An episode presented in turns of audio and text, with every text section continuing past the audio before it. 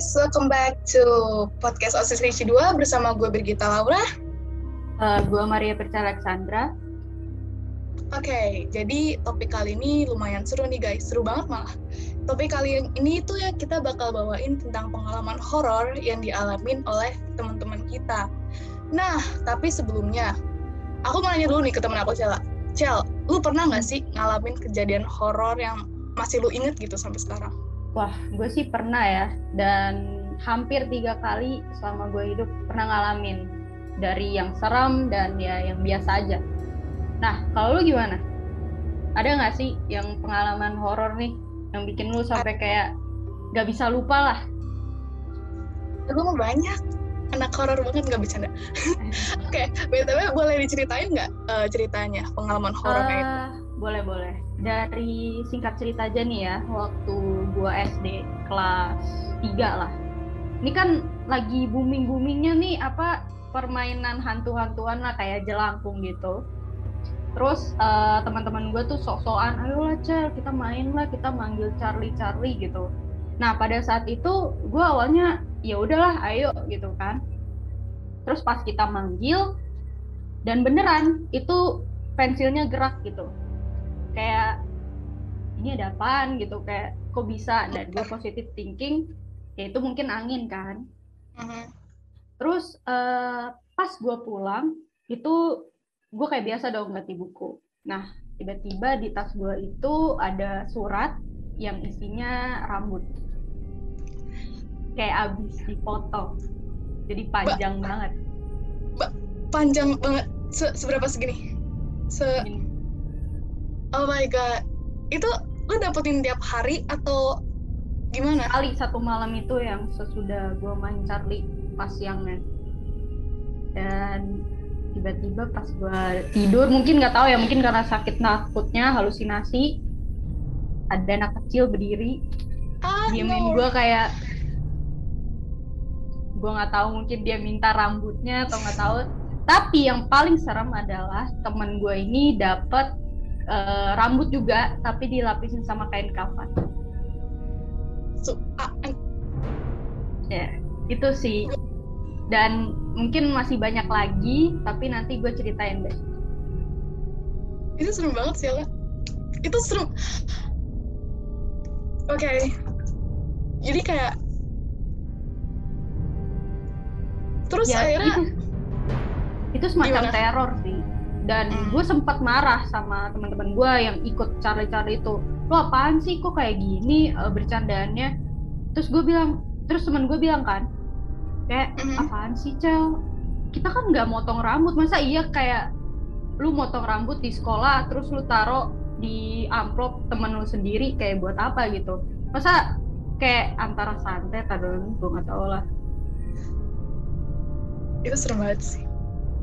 Iya gue paling benci tuh kalau tau gak sih demit tapi yang rambut panjang itu paling serem. Ya, sumpah sumpah. Itu kayak, kayak serem banget anjir. Uh -huh okay, terus pengalaman horor gue sendiri sih. Gue nggak tahu ini horor atau enggak tapi lu inget gak kelas 5 gue suka bercanda bercanda gue punya teman imajinasi namanya Venda. Oh iya iya. Ya itu kan? gue tahu tahu tahu itu awalnya gue cuma main-main gitu buat bohongin teman-teman gue doang biar kayak dikirain anak indigo banget. Terus kayak selama seminggu atau dua minggu gue main-main gitu gue dapet mimpi di satu malam. Nggak tahu ceweknya kayak cewek Belanda pakai baju hitam dress loli gitu. And she said like Hai aku Venda. Itu tuh kayak oh my god. Di situ uh, dan mulai dari saat itu gue nggak pernah lagi main-main tentang spiritual yang begitu karena ya serem banget Iya sih ya kadang ya kadang apa yang kita panggil tuh sebenarnya ada tapi sebenarnya gue uh, punya gue pernah dengar katanya emang hmm. kita punya kembaran sih Iya, yang kembaran dari dimensi lain gitu kan? Iya benar-benar itu itu serem banget sih. Kayak gue takutnya kalau kata orang ya di TikTok gue pernah lihat katanya kalau kita ngaca dan kita merasa cantik tapi itu bukan diri kita. Itu orang lain. Masalahnya gue sering ngaca malam-malam nih. Dan setiap malam gue ngerasa cantik sih. Iya bener-bener. Gue juga. Kayak kok gue cakep ya di kaca tapi iya kan tapi kalau di sekolah ngerasa kayak jelek banget. Iya jelek bener terus kayak dan ternyata di salah satu TikTok bilang katanya kalau itu sebenarnya bukan diri kita tapi melainkan sosok. Ya sosok, sosok lah. yang lain. Yang Ah. nempel gitu di eh nggak tahu lah oke. Oke cukup pemanasannya. Sekarang kita langsung masuk ke pengalaman horor. Yang pertama ya. Dari teman-teman kita nih ya yang udah share pengalamannya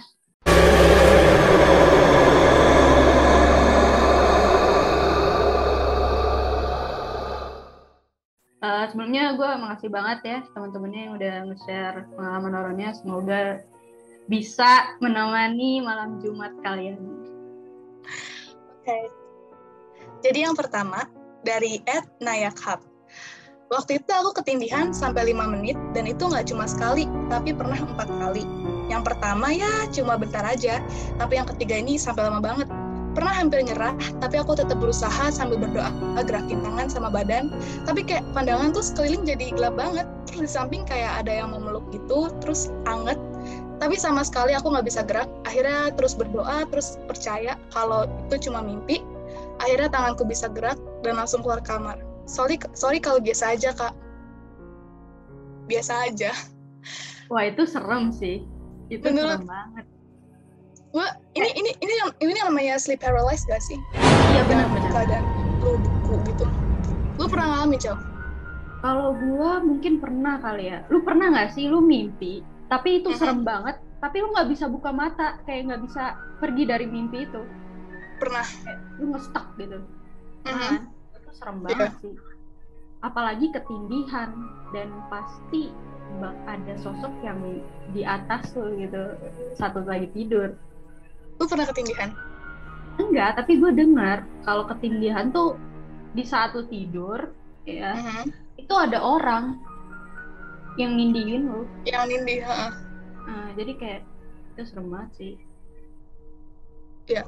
Eh, terus gue denger-dengar tuh katanya orang yang biasanya sleep paralyzed itu pasti ada yang nemenin kayak kalau lu beneran gak bisa gerak berarti kayak ada yang nemenin gitu makanya setiap oh, hampir setiap orang ya yang kena sleep paralysis tuh selalu pasti ngeliat bayangan hitam selalu ngeliat bayangan hitam oke Gila serem banget sih. Mhm. oke terus lanjut yang kedua kita lanjut yang kedua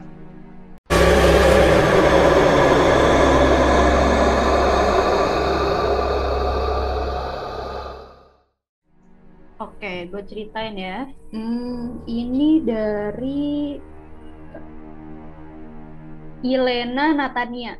Oke, jadi eh, dulu temen, jadi ini dia nyeritain tentang cerita temennya gitu. Jadi Mhm. temen guru gue ini kuliah di asrama asrama gitu, dan dia punya dua teman, terus dia, dia janjian lah dengan dua temennya untuk belajar malam di satu ruangan. Dan pas malamnya, mereka ketemulah di ruangan itu. Dan satu temennya ini rada aneh, kayak dia nunduk dan diam. Tapi mereka nggak terlalu peduliin.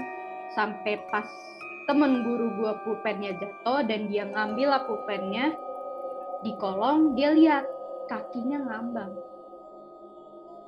Terus kayak melayang gitu kan.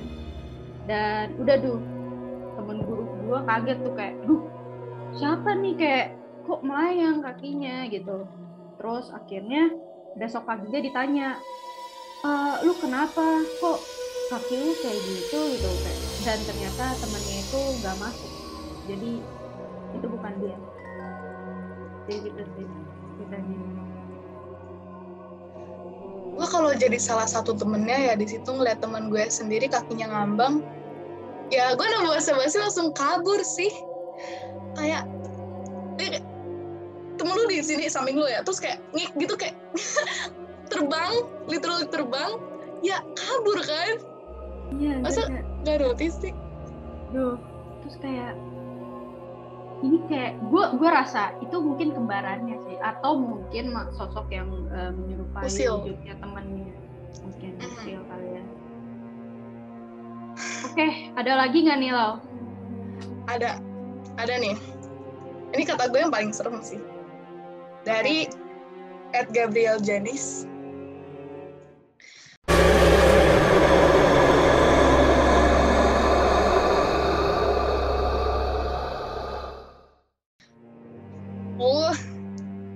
Bilang, jadi singkat cerita, gue sama kakak sepupu gue dan kakek gue lagi main di teras. Gue di sini masih umur tiga setengah tahunan dan kakak sepupu gue lima tahun. Jadi di sebelah rumah gue itu ada rumah yang udah gak kepake dan gak punya atap, jadi tinggal tembok-tembok gitu. BTW, gue mainnya di siang bolong. Nah, kita itu lagi main kejar-kejaran sambil ciluk ba itu sama kaki gue. Ciluk ba pertama masih hati-hati aja tuh. Terus kayak masih seneng-seneng aja. Ciluk ba kedua juga sama, kita masih ketawa-ketawa.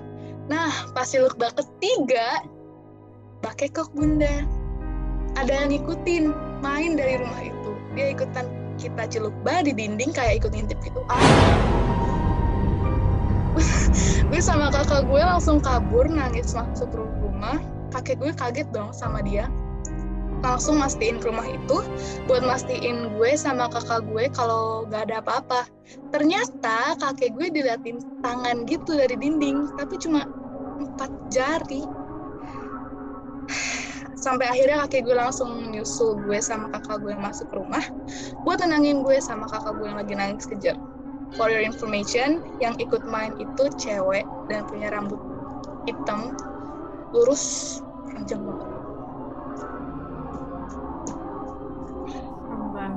Itu gue ngebayangin mukanya sumpah yang kayak Paling benci kalau udah nyebut Mbak K, Mbak Kay gitu kayak mbak mbak itu Mbak Kay. Miss Kay serem banget. serem sih Tapi lu bisa gak sih bayangin kayak beneran kayak dikagetin uh, gitu kayak kayak serem banget sumpah itu kan kayak halo Wajar sih mau ikutan nangis. main dong langsung lihat itu kayak kebirit kebirit gitu gue yakin sih itu pasti karena dia masih umur tiga setengah tahun pasti besoknya demam. Ya benar karena benar. kaget banget. Aduh gue sampai merinding dengernya. Oke, oke. lanjut gak nih? Serem banget. Lanjut lanjut lanjut. Lanjut ya. Tuh. yo cel. Ceritain yang mana ya? Banyak banget. Mhm. Em, oke gue ceritain dari Sela 9C oke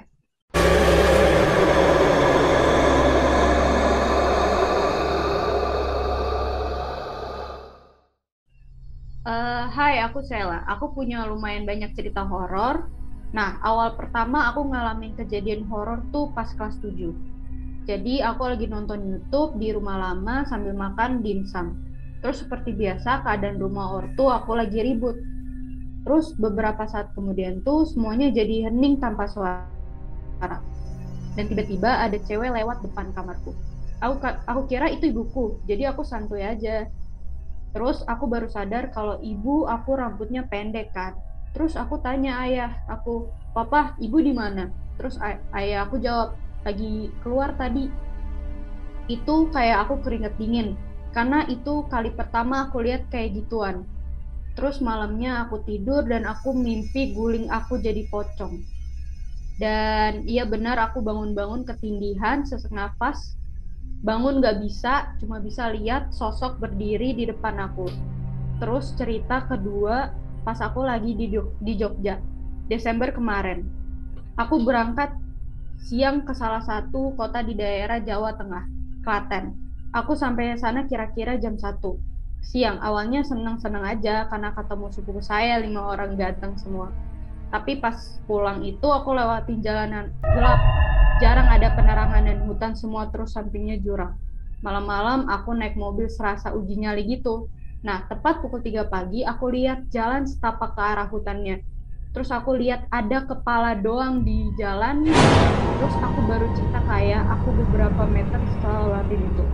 Jujur, aku merinding sih. Soalnya jam 3 pagi sepi, nggak ada penerangan. Terus lihat kayak kepala terbang atau kepala doang udah sih cukup segitu aja.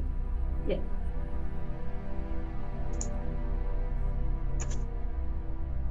Kepala terbang. Kepala doang. Tadi oh, nggak bisa? kepala nengok sekarang kepala doang tanpa badan. Gue gue nggak bisa bayangin. Aduh serem banget. Oh my god. No that's that is nasty that's nasty oke okay. oh my god. Oke okay, sekarang gue kayak ngerasa ruangan gue panas banget deh karena padahal AC gue nyala. Iya yeah, bener. Gue keringet. keringet dingin ah, eh siapa sih yang minta topik horor? Sini berantem deh baju sama gue oke oke. Ada lagi nggak lo bercanda. Sorry. Okay, ada lagi oke. Okay. Oke, ini yang terakhir. Tapi ya beneran kerasa seremnya. Ya, gue lanjut aja ya. Ini cerita dari at NVELF underscore.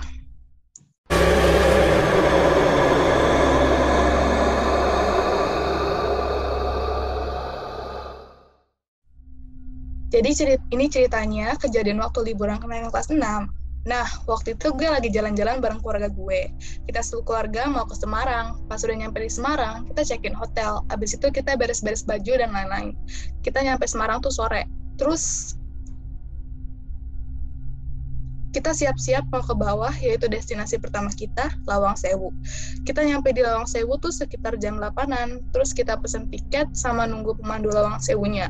Pas keluarga gue masuk sih, gak kelas apa-apa, tapi cuma gue yang ngerasa agak gak nyaman di dalam situ. Untungnya di depan Lawang Sewu lagi ada karnaval malam, jadi suasananya nggak terlalu serem. Akhirnya pada terangan gitu waktu pertama kali masuk Lawang Sewu, gue tuh langsung nyium bau anjir darah. Ya kalian tau lah dulu Lawang Sewu tempat yang kayak gimana. Di situ sih gue pura-pura gak nyium apa-apa ya, karena takut bikin keluarga gue ikutan takut atau nggak panik. Di dalam Lawang Sewu tuh ada satu pintu yang bikin gue penasaran karena dari dulu dikunci dan gak ada yang pernah buka, kecuali ada karyawan di sana. Nah, kejadian di mana gue penasaran sama lubang yang dulu tempatnya pembuangan mayat akibat pembantaian di sana. Pas mandunya ngasih lihat kita tempat itu, di situ gue bener pengen teriak ama muntah karena gue ngeliat darah di mana-mana. Sama orang yang kaki atau kepalanya buntung. Mungkin keluarga gue nggak lihat apa-apa di situ, tapi gue pura-pura be aja karena nggak mau bikin keluarga gue panik. Di situ gue bener-bener keringetan sama mual-mual gitu kayak tour guide-nya tahu deh gue bisa kayaknya tour guide-nya tahu deh gue bisa ngeliat jadinya tour guide-nya langsung buru-buru ngarahin kita ke tempat yang lain dan lebih terangan pas kita udah selesai dari lawang sewunya gue ngeliat ada tiga anak kecil di depan kereta di depan gedung lawang sewu tuh ada kereta yang udah nggak beroperasi lagi. Mereka kayaknya sadar deh gue bisa ngeliat mereka. Jadinya mereka ngajakin gue main sama mereka. Tiga anak kecil itu tuh ada yang bisa ngomong bahasa Belanda sama bahasa Indo. Jadi gue ngerti dikit. Pas keluarga gue mau beli minum di Indomaret gue nggak sengaja ngelihat ke arah jendela atas. Di situ gue ngelihat noni Belanda yang bisa dibilang cantik. Untung noni Belandanya nggak ngelihat ke arah gue. Pas gue lagi mau minum kan orang minum kepala ada naik ke atas kan. Noni Belandanya nengok ke gue dong. Dan senyum ke arah gue. Terus pas gue kedip dianya udah ngilang dan katanya di atas sana tuh pernah ada orang yang uji nyali di sana. Bentar bentar. Gue takut banget. Dan denger-denger ada ibu-ibu sama anaknya nangis kekunci gitu di suatu ruangan. Waktu kita udah nyampe hotel buat istirahat gue kan ke kamar mandi tuh buat mandi. Nah di situ gue masih terngiang-ngiang sama kejadian yang gue alamin di sana. Pas gue lagi mandi gue denger kayak suara anak kecil ketawa-ketawa gitu. Ais gue pengen ngomong kasar sumpah. Ini serem banget. Kayaknya anak kecil yang tadi di kereta itu deh. Karena anak kecil yang nggak ganggu jadinya gue bomat. Tapi waktu gue mau tidur entah rest dulu ya tapi waktu gue mau tidur gue ngeliat ke jendela karena pengen ngeliat karnaval yang tadi. Tapi gue malah ngeliat hal lain. Di situ gue ngeliat noni Belanda yang tadi posisinya dia tuh terbang ke di depan jendela yang di mana gue lagi nengok ke jendela di situ. Karena gue udah capek jadinya gue langsung tidur.